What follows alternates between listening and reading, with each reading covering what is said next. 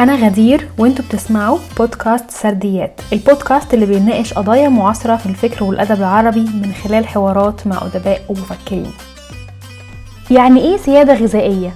وإيه الفرق بين المصطلح ده ومصطلح الأمن الغذائي؟ وإيه هي المعاني الاجتماعية المرتبطة بالخبز أو العيش في مصر؟ وإزاي نقدر نفهم جندرة العمل الزراعي في الريف المصري؟ وهل ممكن نلاقي بدايل لأنماط إنتاج الغذاء ما تكونش مرتبطة بنظم الإنتاج النيوليبرالية؟ عيش مرحرح هو دراسة ميدانية مهمة. قام بيها الباحثان محمد رمضان وصقر النور للإجابة على الأسئلة دي وأكتر.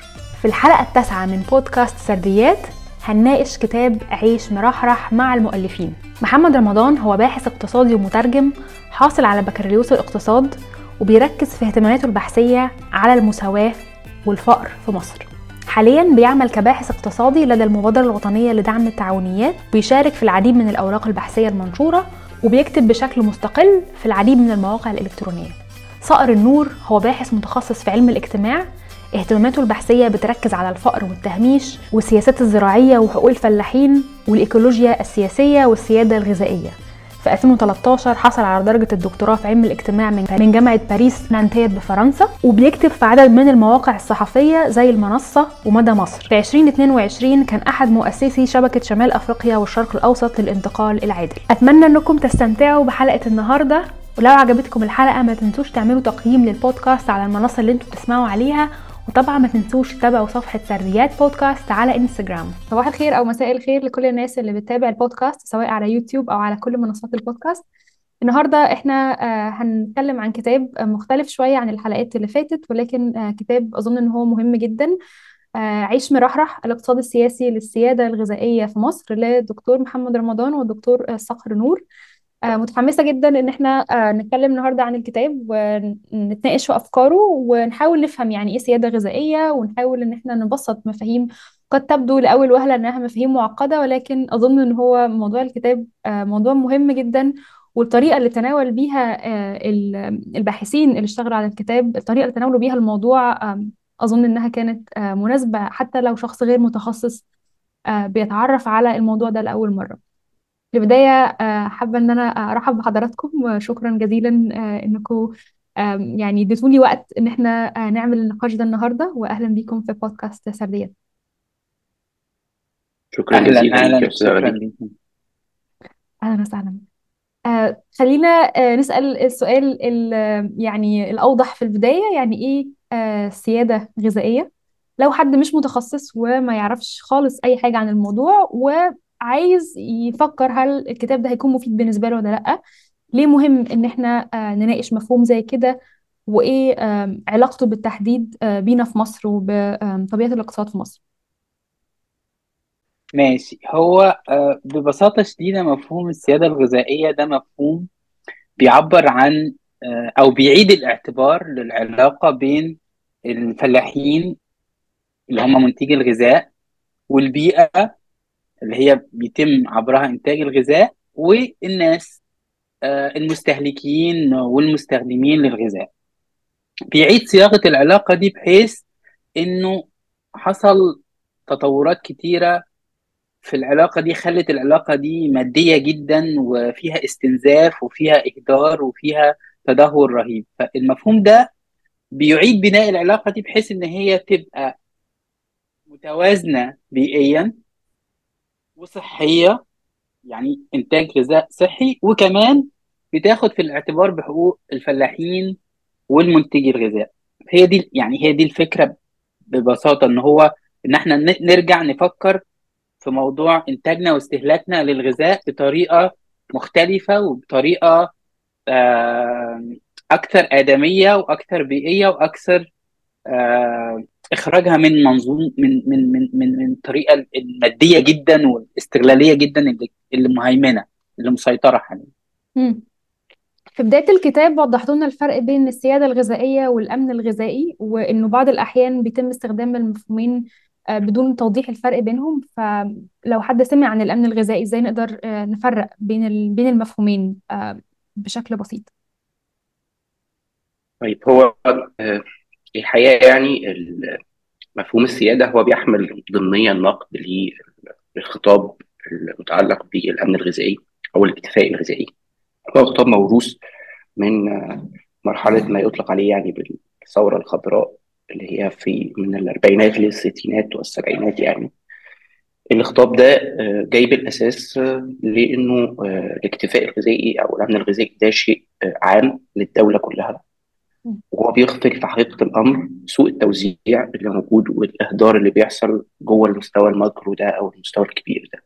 وبالتالي السيادة الغذائية بتبدأ أو بتنطلق من المستوى ال ال الأدنى أو المستوى المايكرو شوية بنركز على منتجين ومستهلكين الغذاء وموزعينه في الحلقات الاضيق في المجتمعات المحلية. وده اللي بيخلي عملية التفكير في الغذاء نفسه تبدأ من الناس وإلى الناس زي ما بيقولوا يعني. وكمان السيادة هي مفهوم بيعبر عن التركيز على المنتجين بالإضافة طبعا لمستهلكين الغذاء فبالتالي هو بيفكر في مفهوم الاستدامة أكتر من المفهوم إنه يبقى الغذاء موجود وخلاص بغض النظر عن نوعيته بغض النظر عن كمياته بغض النظر عن الاستهلاك اللي بيحصل للأرض والموارد الطبيعية في عملية إنتاج الغذاء دي.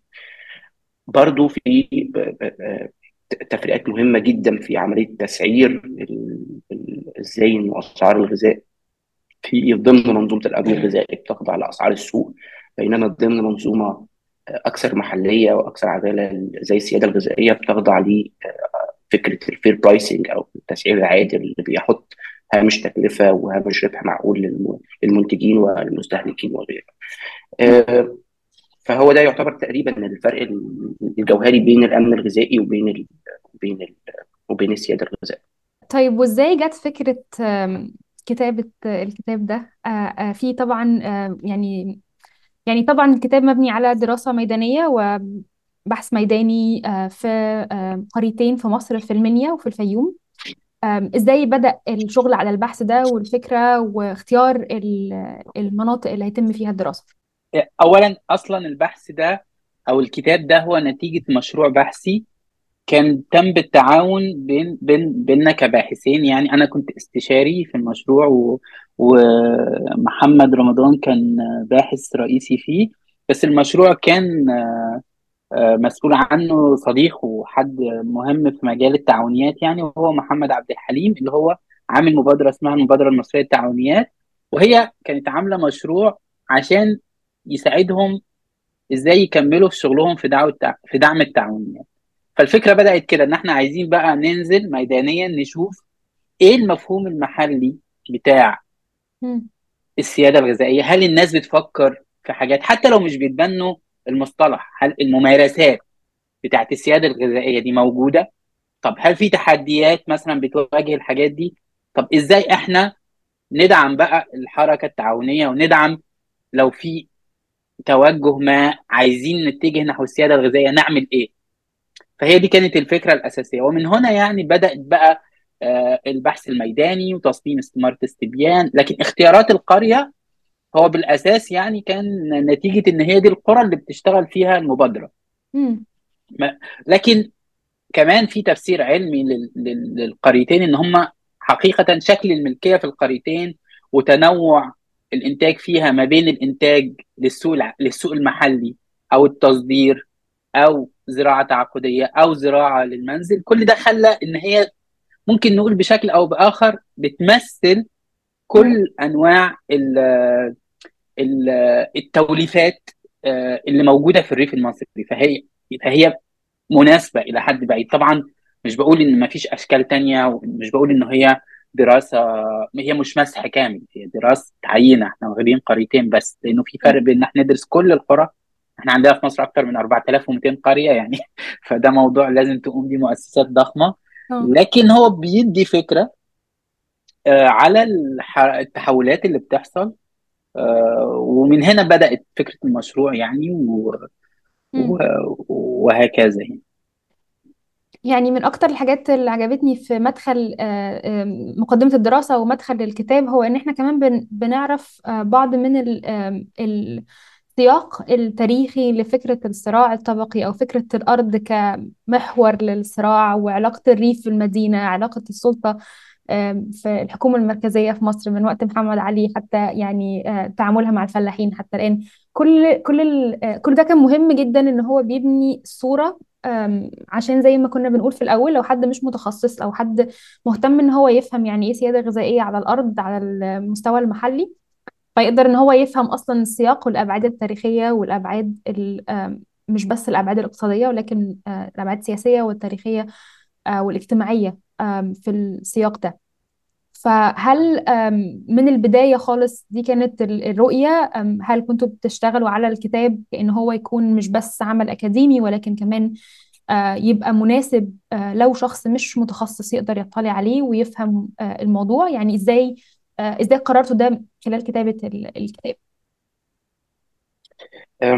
طيب هو الحقيقة إحنا كنا مقررين في البداية إن هو يكون عمل مش أكاديمي. و وحتى في تصميم المشروع وفي تصميم الاستثمار البحثية وفي ال field work كنا مهتمين قوي إن إحنا نشوف الناس عايزة تقول إيه.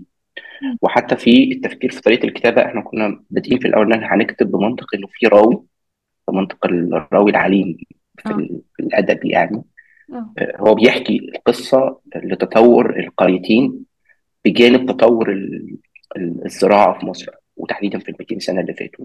وتطور فكرة الصراع على الأرض يعني لكن للأسف لأن إحنا يعني مش أدباء برضه فواجهتنا صعوبة في إن إحنا نعمل القصة دي يعني يعني في النهاية برضه إحنا باحثين السؤال اللي كان شغال إيه المحددات أو إيه الأشكال اللي ممكن نطلق عليها الأشكال الأولية البناء عليها مستقبلا في مشروع أكبر للسيادة الغذائية في الريف المصري بشكل عام أو في الدولة المصرية بشكل عام.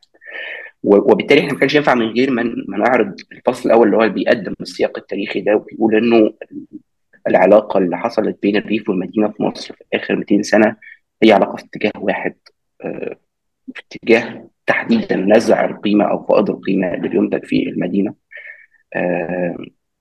لأنه برضو دي دولة فضلت لغاية الستينات دولة زراعية ولغايه دلوقتي لسه هويتها الريفية موجودة يعني بشكل كبير جدا. وعمليه نزع القيمة المستمرة دي عبر 200 سنة كانت موجودة بأشكال مختلفة. كانت موجودة أيام ما كانت الدولة بتحتكر المجال الزراعي في وقت محمد علي. كانت موجودة أيام الاحتلال وكانت موجودة أيام ما حصل ما يسمى بالسياسات الاشتراكية مع عبد الناصر وكانت موجودة في وقت الانفتاح وكانت موجودة في التحول النيوليبرالي لاحقا. هي سمة مشتركة بين كل المراحل على اختلافها وبأشكالها المختلفة.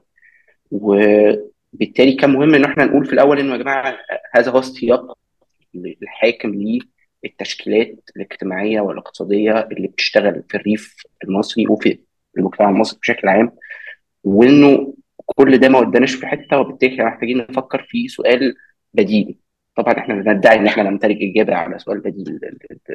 لكن هو في النهاية محاولة لفي في تحفيز التفكير في إنه طيب إيه ممكن يتعمل؟ إيه ممكن يحقق معدلات تغذية أفضل؟ إيه ممكن يحقق آآ آآ معدلات خروج من دايرة الفقر وإعادة إنتاجه في المجتمع المصري أكثر وهكذا يعني. عظيم جدا بما إن إحنا ذكرنا موضوع البدائل يعني عجبني في ختام الكتاب النقاش حوالين أصلا فكرة البدائل إنها في السياق اللي إحنا بنتكلم فيه وبناء على الدراسة اللي قمت بيها مش دايما البدائل بتكون واضحة وجاهزة زي البدائل النيوليبرالية أو البدائل المين ستريم والبدائل التقليدية الموجودة.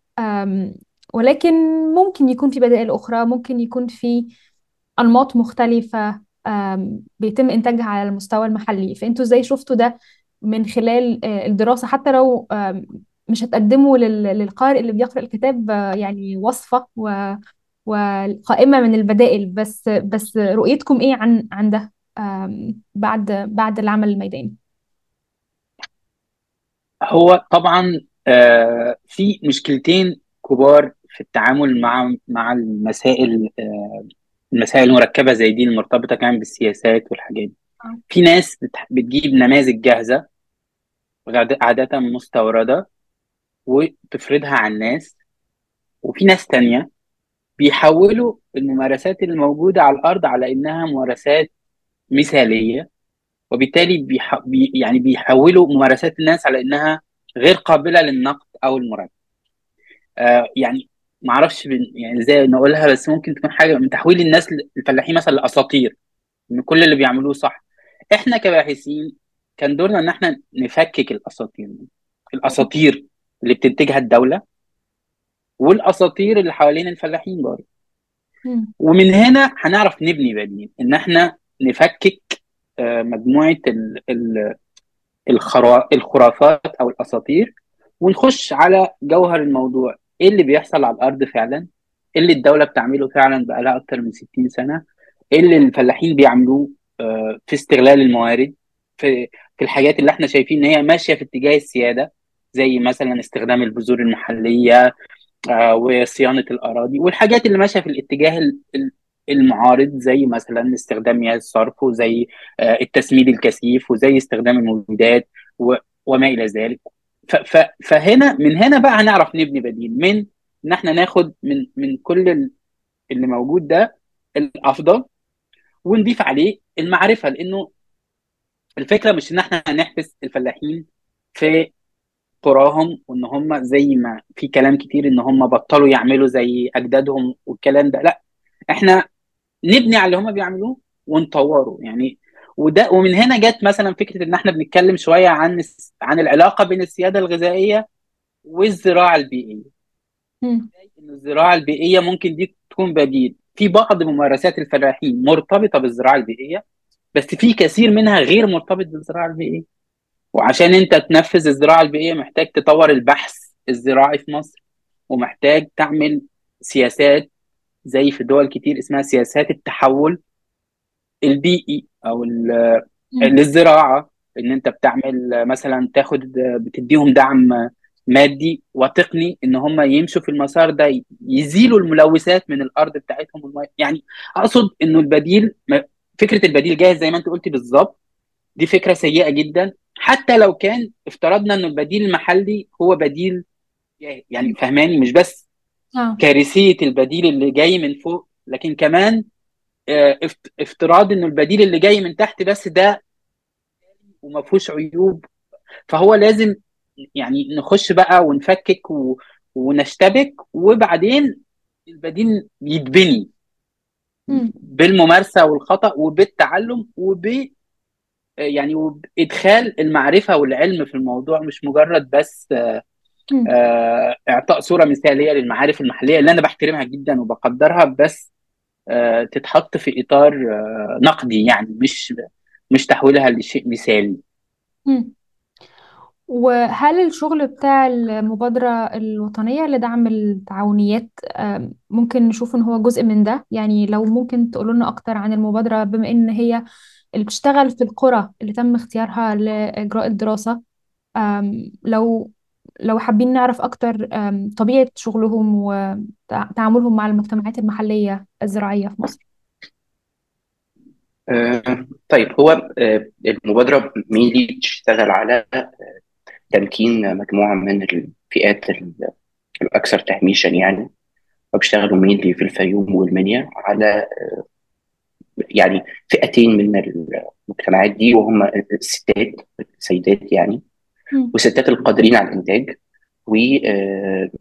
ومجموعة من ذوي الاحتياجات الخاصة اللي برضو قادرين على الإنتاج وهي الفكرة ببساطة شديدة إنه بدل ما الناس دي تاخد قروض آه، مايكرو لونز آه، قروض صغيرة يعني ويتعمل لهم بقى كشك ونجيب لهم آه، والشغل اللي هو بتاع الجاهز ده الظريف إن الناس تاخد فلوس تفتح كشك سجاير وبتاع فالفكرة إنه الناس تشارك في عملية الإنتاج وتشارك في عملية الإنتاج دي عبر هيكل ملكية تعاوني آه، في فرق بين الملكية التعاونية والملكية في الشركات إنه ببساطة الملكية في التعاونيات هي أسهم متساوية مش مرتبطة ب- آه، المال اللي أنت دفعته عشان تاخد حقوق تصويتية أكتر يعني. مم. آه، على عكس النمط اللي موجود في الشركات إن كل آه، آه، زياء كل نسبة من رأس المال بيكون قدامها حقوق تصويتية وسيطرة على القرار وهكذا. وبالتالي النمط التعاوني ده هو نمط أو ممكن النظر ليه شوية على إنه نمط من مقرات أو عملية الإنتاج نفسها. وهو بالمناسبة بيطرح كجزء من الخطاب عام يعني دلوقتي في العالم كله على فكرة ال participatory economy الاقتصاد التشاركي والبديل الرأسمالية إيه يا جماعة؟ طيب نعمل city commons ونعمل تعاونيات ونعمل طبعا ده debate نظري وتحليلي كبير جدا يعني.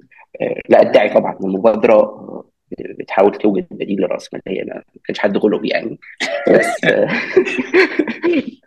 بس على الأقل هما بيحاولوا يحاولوا ينتجوا بديل لنمط تعامل المؤسسات المالية التقليدية اللي هي mainly funded by ال international bank والمانحين الأوروبيين بشكل أساسي للتعامل مع أزمة الإفقار اللي فيها فئات مهمشة كبيرة جدا تحديدا السيدات في الريف تمام؟ ان هم أكثر فئة مفقرة في مصر وأكثر فئة بالمناسبة يعني في في في paradox غريب كده هم أكثر فئة بيتوجه لها المشروعات التنمويه ومع ذلك هم أكثر فئة ما بتخرجش من نطاق الفقر ففي paradox غريب لأنه الناس ببساطة شديدة جدا الخبراء والحلول الجاهزة اللي بتطرح منهم عمرها ما كانت مناسبة للناس دي. وبالتالي مثلا المبادرة اشتغلت على المعارف التقليدية اللي الناس دي عندها. فالستات مثلا اللي بيشتغلوا في الفيوم على إنتاج الملابس وورش. طيب أنتوا already عندكم بالبلد يعني ال know-how بتاع الموضوع. خلينا ندور على طريقة نعمل لكم فيها تعظيم لرأس المال ده. ومن خلال تعظيم رأس المال ده تقدروا تخشوا السوق وتقدروا تبقوا موجودين في السوق مش تنافسوا لأن أنتم ما عندكوش large scale production في النهاية. ذلك مع النباتات العطرية أو المجموعات دي في إنتاج ده وعندهم معارف في ده. وده وده مين اللي بيحاول اللي بتحاول المبادرة تعمله وبيحاول حكيم يعني والفريق اللي معاه إن هم يعملوه. وكان جزء من التعاون اللي بينا إن إحنا نفكر سويا يعني في إنه إزاي ده ممكن يتعمل في الزراعة. وإزاي ده ممكن يتعمل في عمليات الإنتاج الصغير وإزاي ده ممكن يتعمل في آه آه اتفاقيات عادلة للتجارة بشكل أفضل بين الفلاحين الصغيرين دول والستات دول مع المؤسسات اللي بتاخد منهم الإنتاج ده سواء مثلا في النباتات العطرية أو في الحالتين اللي موجودين في الدراسة البطاطس والبنجر بس البنجر طبعا بتاخده الدولة بشكل أساسي آه. فهو ده نطاق العمل الأساسي يعني. الناس بتشتغل هي دي الفكرة إن المبادرة بتحاول تدعم العمل التعاوني أو بناء التعاونيات بالذات للفئات المهمشة. فهم بيحاولوا بدأ اشتغلوا مع الستات بشكل أساسي سواء كانوا بينتجوا الغزل أو بينتجوا المحاصيل العطرية. وده بيشتبك مع فكرة السيادة بشكل عام. يعني مش بس السيادة الغذائية بس فكرة الاقتصاد القائم على السيادة وإن الناس هي اللي تمتلك قراراتها بدل ما تبقى أدوات في في ماكينة أكبر لا ان هم الصغيرين دول يتحدوا في أشكال تعاونية ونظم نظم اقتصادية بديلة عشان يواجهوا الكيانات اللي هي أكبر منهم. أو على الأقل زي ما قال محمد مش يواجهوها بس على الأقل يبقى لهم مكان في في في, في ما يطلق عليه مكان السوق أو الفضاء العام يعني. بس. في جزئية مهمة تانية أشرنا ليها باختصار وهي فكرة دور النساء. وكان في فصل مخصص ده في الكتاب. من خلال العمل الميداني ومن خلال المقابلات هل كان في فروقات بين المقابلات اللي عملتوها مع السيدات اللي بتشارك في عملية الزراعة والرجال؟ نقدر نقول يعني النتائج أو أبرز النتائج اللي طلعت من المقابلات بخصوص مشاركة النساء. وعامة فكرة يعني جندرة العمل الزراعي ودور النساء في العمل الزراعي في مصر يعني الفكرة نفسها والعمل الميداني المرتبط بيه. الحقيقة هو إنه لو بصينا طبعا على التحولات الاقتصادية اللي حصلت في مصر تحديدا من التسعينات الثمانينات وإحنا جايين يعني هنلاقي إنه الزراعة بتتحول مع الوقت لإن هي تكون نوع من ال من ال part-time job طبعا ده لا يعني لا يعني نهاية الفلاح أو اللي هو ما بيشتغلش غير الزراعة بس يعني موجودين لسه. ومعارفهم التقليدية بتتطور وبيخشوا في السوق وبيقاوموا السوق في احيان معينه وبيخشوا في تحالفات واسعه مع الدولة وبيقاوموا الدولة في احيان معينة. في في ديناميكية موجودة دايما يعني. لكن السمة الأساسية في 30 40 سنة الاخرين إنه الرجال ما بقوش هم المين اكتورز في في العمل الزراعي. آه. وده لأنه ببساطة آه، في فائض كبير جدا من السكان في الريف. مصر ما زال 57% من سكانها بيعيشوا في الريف. آه، في أزمة في النمط التنموي بتاع البلد مش قادرة تعمل المصانع وماكينات الإنتاج الضخمة لاستيعاب هذا الفائض يعني. وبالتالي آه، قطاع الخدمات بيستوعب قطاع الخدمات أو العمل الحكومي بالمناسبة يعني لغاية الألفينات كمان كان بيستوعب آه، جزء كبير من الفائض ده. وبالتالي الستات بيقع عليهم مع الوقت عبء أكبر للعمل داخل الحقل وداخل المنزل. قنوات تاريخيا الستات كانوا بيعملوا داخل المنزل في, في الزراعة في, مصر. مم. وبشكل ما كانوا بيساهموا في أعمال الحقل لكن زيادتهم في المساهمة دي زادت مع التحولات الاقتصادية وإنه بقى ببساطة شديدة العامل أو الفلاح بقى آه، بيروح مثلا يشتغل في المصنع ده خمس أيام في الأسبوع وبيجي يهتم بالأرض يومين. طب مين اللي هيهتم بالأرض في الخمس أيام؟ دول فأكيد هي السيدات. آه، تحديدا الأمهات والزوجات يعني. كمان هم ليهم دور آه، مهم جدا في تفعيل مفهوم السيادة دي. مم. هم بي بي بي بيتحكموا في عملية الإنتاج بشكل آه، بشكل مهم جدا الصراحة بشكل ظريف جدا. إنه هم مدركين ل... حتى لو ما هماش فاهمين ال... ال- الديناميكيات دي بتعريفاتها العلمية يعني فهم مدركين لأشياء أعمق بكتير من الديناميكيات دي. مدركين إنه في حاجة اسمها إنتاج من أجل السوق. فإحنا مم. بنزرع مثلا الصنف المعين ده من القمح عشان نبيعه بس الصنف المعين التاني ده اللي إحنا متعودين عليه وده اللي بيخش في صناعة العيش اللي إحنا بنعمله فاحنا هنزرعه آه، إحنا مثلا بنزرع صنف معين من الخضار الخضار بس الاستهلاك المنزلي وفي صنف تاني إحنا عارفينه بيتباع بسهولة فبنزرعه للسوق. إحنا بنزرع آه، صنف معين ليه آه، عشان يبيعه للدولة زي البنجر.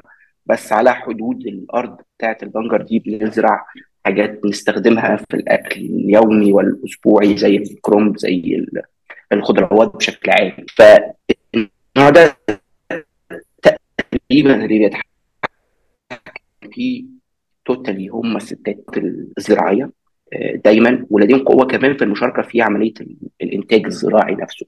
أو وكمان طبعا عندهم قوة في إعادة عملية إعادة الإنتاج الاجتماعي لأنه في النهاية هم اللي بيطبخوا وبيغيشوا فلوس على ده وهم اللي بيراعوا الأولاد وهم اللي بيعملوا حاجات كتيرة جوه المنزل آه، بتقوم بعملية إعادة الإنتاج وتجديد دورة الإنتاج دي بدون ما حد يدفع تكلفتها يعني بشكل ما بآخر. بالظبط ودي من ال... من النقط المهمة جدا اللي اتذكرت في الفصل ده وسعيدة إن أنت وضحتها برضو فكرة اعتبار النساء وبعض الأحيان الأطفال إن هم عمالة آه، أرخص آه، في أوقات كتير. م- آه، دي برضو آم، حاجة أظن إنها مهم إن إحنا نفكر فيها لو آه، لو هنتكلم مش بس على المستوى المحلي ولكن حتى على المستوى العالمي. آه، م- الشيء الممتع جدا في فصول الكتاب المختلفة إن إحنا بنشوف طول الوقت التقاطع ما بين ال- الوضع العالمي والمستوى المحلي وبنشوف مستويات مختلفة.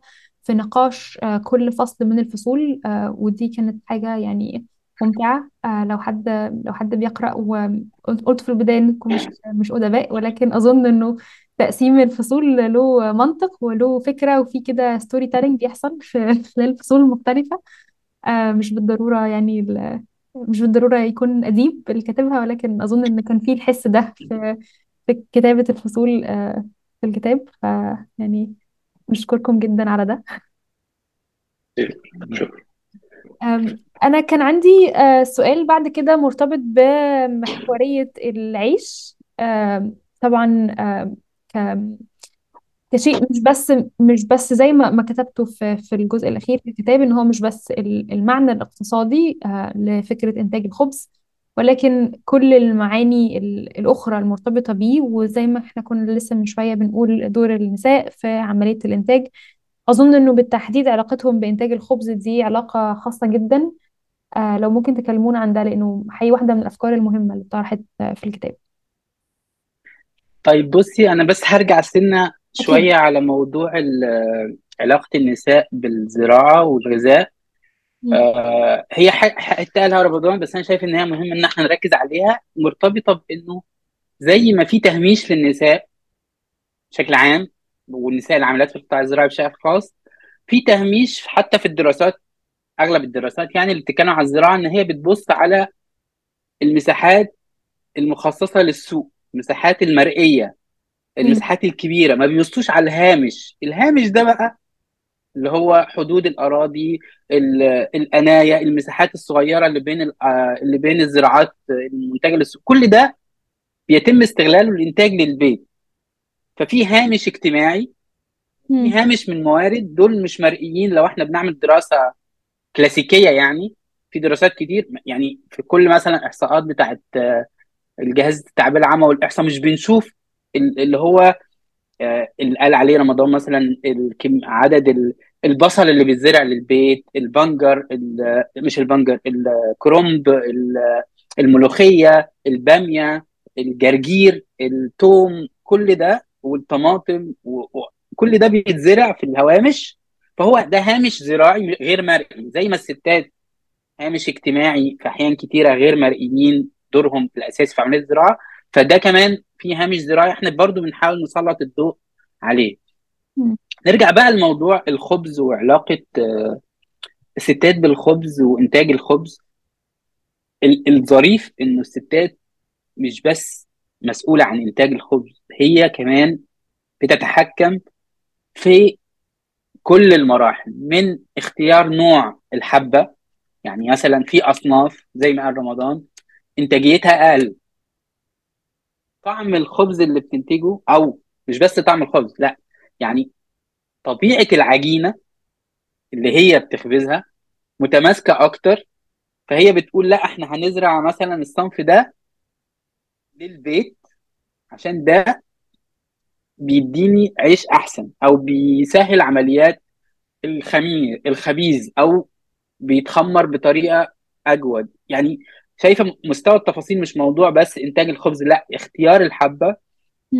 واختيار الكمية كمان طبعا إحنا لا مثلا عدد الأسرة زاد أو قل مثلا عيل سافر أو آه، الخارج أو في واحدة اتجوزت أو مثلا آه، لا ابنهم بنى فوق فبقى في عدد الأسر زاد فكده هتقول لا إحنا كنا بنزرع آه، مثلا ربع ربع فدان دلوقتي هنزرع تلت. فاهمة؟ يعني القرارات المزرعية وده ده حاجة مش مرئية. ده مش بنقول آه. إن هي المرأة مسيطرة ولا بنخش في لا بس بنقول إن هي بتساهم.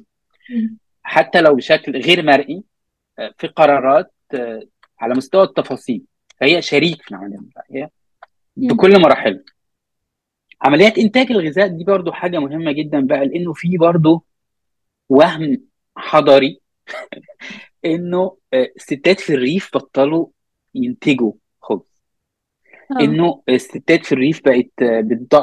يعني في بقى كميات من ال- الصور النمطية السلبية وال وأنا بسميه نوع من الازدراء الاجتماعي للريف وكأن وظيفة البني آدمين اللي في الريف دول إن هم ينتجوا عشان الناس اللي في المدينة تاكل ومش مهم الناس المدينة تكون بتعمل إيه. يعني مش مهم إن هم أصلا ما يكونوش بيشتغلوا لا المهم إن الناس بتوع الريف ما يكونوش بيعملوا حاجة غير إنهم بيشتغلوا. ف... فدي خرافة لأنه تقريبا 50% من القمح اللي بي- بينتج جوه مصر ما بيروحش السوق بيفضل في البيوت. آه. تقريبا 50% okay. فده غ... بيفضل في البيوت أو في الأسواق المحلية الصغيرة يعني مش بيروح للدولة. ف 50% ده يعني أكيد مش الرجالة هم اللي بيعملوا منه عيش. العيش بقى ده لا ينفي إنه الناس بقت تشتري عيش المخبز. لسببين. مم. السبب الأولاني إنه رخيص وإنه مدعوم وبالتالي هم كمواطنين لهم حق في الدعم المعمم ده, ده دعم لكل الناس آه والنقطة التانية كمان المهمة إنه العيش بقى اللي هم بيغذوه في البيت أو القمح اللي هم بيزرعوه ويخلوه في بيوتهم تحول لوظيفة تانية ليها علاقة بالسيادة الغذائية اللي هو الأمان مم. لو مفيش عيش في المخبز لو في أزمة لو في حد مسافر لو في حد هيتجوز كل بقى العيش ما بقاش بقى إن هي بتاع وبعدين الفرن نفسه شكله اتغير. مثلا آه. كاتبين برضو في الكتاب إزاي إنه مثلا في في, في الفيوم آه، الأفران الغاز والحديد دي دخلت البيوت. أيوه مثلا الفرن القديم اختفى بس في بديل تاني دخل بيتم استخدامه. فطريقة أصلا عمل العيش كمان اتطورت يعني مش معنى إنه بس بينتجوا ما بياخدش نفس الوقت الأكتر. عشان كده بنلاقيهم قاعدين وبيخشوا النت وبيعملوا حاجات تانية. لأنه العمل المخصص لإنتاج الخبز من زمان في الأفران القديمة كان بالأيام في الحقيقة يعني دلوقتي تقلص لعدد أقل من الساعات مع الأفران الحديثه نعم. فاللي نقصده يعني إنه آه إنه كمان آه آه طريقة الإنتاج اتغيرت وظيفه الخبز الاجتماعيه اتغيرت. الخبز المصنوع في البيت بقى يستخدم أكتر في حاجات مرتبطة بإنه بيدخل وقت الأزمات. مثلا رمضان اتكلم عن إنه بقى في عدد كبير من الرجاله بيشتغلوا في المدينة واحيانا بيسكنوا في المدينة. فاللي بيحصل إن الخبز إن هم معاهم الرجاله دول معهمش بطاقات تموين بطاقات التموين تفضل في البيت. فبيحصل إيه؟ بيتم صناعة كميات كبيرة من الخبز في البيت وتجفيفه والمهاجر ده سواء محليا حتى أو مهاجر ليبيا أيام ليبيا كانت مفتوحة أو أو الطلبة اللي في الجامعة الأبناء اللي في الجامعة أو فبيستخدم يعني الوظائف بتاعته اتغيرت بقى. بقى ليه وظائف كتير بس هو موجود في البيت موجود في ال في ال في الحزمة الواسعة من الاستراتيجيات اللي الأسر بتعملها عشان تحقق شكل من أشكال سيادتهم الذاتية على الغذاء. يعني يعني شوالين القمح اللي موجودين في البيت في الصعيد أو شوالين الرز اللي في الدلتا اللي موجودين في البيت والدولة عايز مصممة تاخدهم ده جزء من مفهوم الناس بسيادتهم على الغذاء. وده الجميل إنه زي ما قال رمضان إنه ممكن يكون المصطلح بشكله الأكاديمي مش موجود بس الممارسات نفسها موجودة. والستات بتلعب دور أساسي كمان في حفظ التقاوي وحفظها من سنة لسنة مش بس التقاوي بتاعت القمح لا كمان التقاوي بتاعت الحاجات اللي بتتزرع للبيت الملوخية والكرنب والبصل وما إلى ذلك. أقصد إنه إنه يعني الدور المركزي ده ما انتهاش. والعلاقة بالخبز لها اتغيرت بس العلاقة نفسها ما انتهتش. أدوار الخبز اتغير بس وجوده في المنظومة الواسعة ما ما اتلغاش. اتحرك من نقطه لثانيه جه مكانه حاجة تانية. يعني في تغيرات بس في النهاية هو موجود بشكل أو بآخر وبيأدي وظائف اجتماعية قد تكون مختلفة بس هي لا تقل أهمية في رأينا يعني زي ما حاولنا نوضح في الكتاب. آه عظيم جدا. حابة إن أنا أعرف قبل ما نختم إذا كان آه في أي تحديات واجهتكم خلال البحث وخلال العمل الميداني. أو تحديات في وصول لبعض من الأرقام اللي حقيقي كانت شيء ثري جدا خلال فصول الكتاب إن إحنا بنشوف أرقام updated وحاجات حديثة فهل كان في أي تحديات أو صعوبات سواء في العمل الميداني أو في الوصول للمعلومات خلال الدراسة؟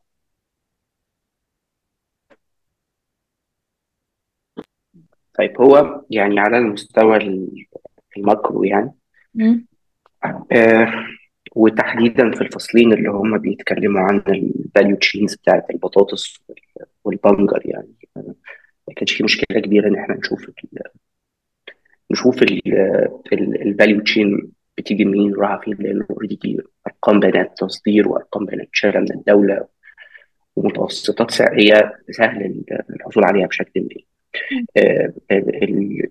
التحدي كان في مستوى البيانات المتعلقة بالملكية والحيازة لأنه آخر إحصاء زراعي اتعمل في البلد تقريبا من 2010 آه. فده في 10 سنين جاب تقريبا من ال... بس إحنا يعني نجحنا إن إحنا نجيب الإحصاء ده من القريتين نفسهم عن الملكيه يعني. طبعا في تحديات متعلقة بإنه حجم العينة كان المفروض يبقى أكتر وده يعني تحدي مهم كنا محتاجين نتغلب عليه يعني بعدد استمارات أو مقابلات أكبر بكتير يعني بس هو كان beyond limitation بالنسبة لنا يعني إن إحنا لو كنا عايزين نعمل عينة معبرة يعني كان ممكن نخش في حوالي 10000 استماره وده يعني مجهود ضخم جدا وصعب إن إحنا نعمله على الأرض يعني.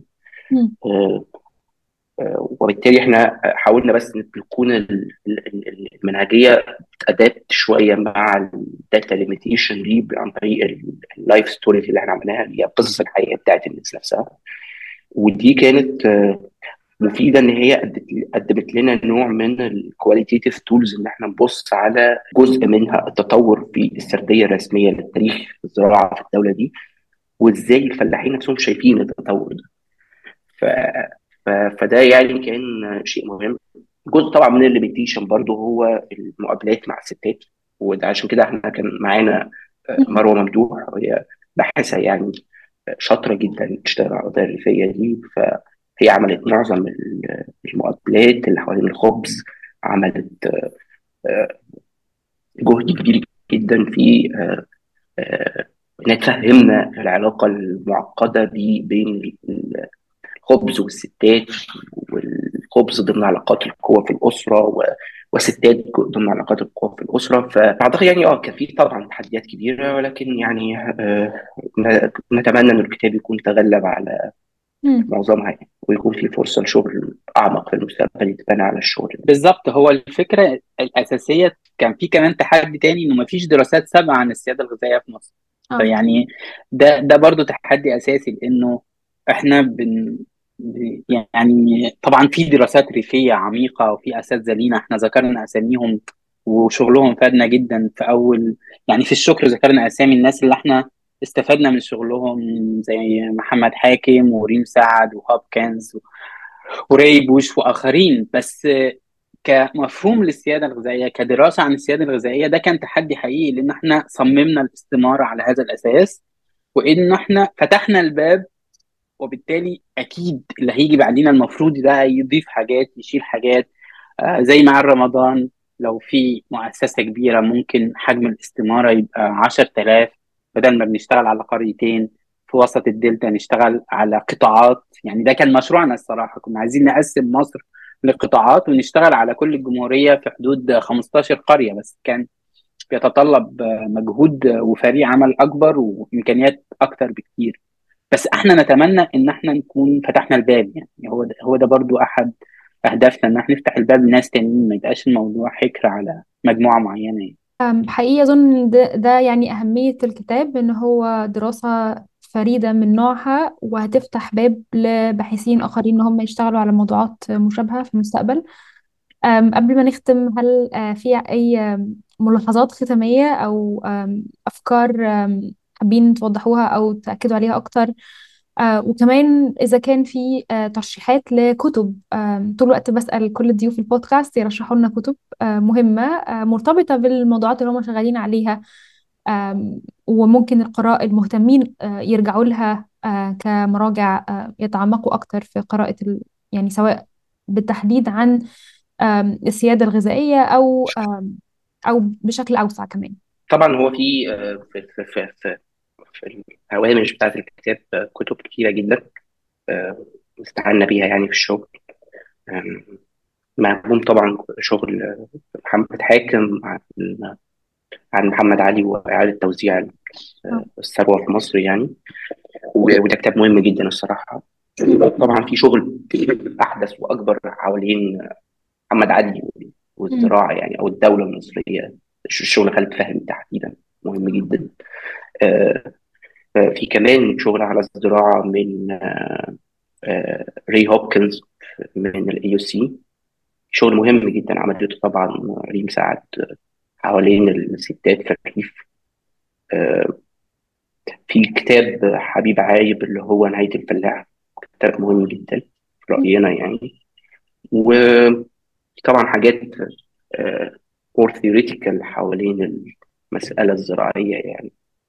وفي آه وفي كتب بتناقش آه آه أفكار حوالين موضوع السيادة مهمة جدا في فكرة ال building counter narrative يعني للزراعه الراسماليه والإنتاج الزراعي الراسمالي وحتى النمط الرأسمالي في الإنتاج. يعني ممكن كتاب اريك اولن رايت اللي هو Envisioning Real Utopias ده كتاب مهم جدا يعني.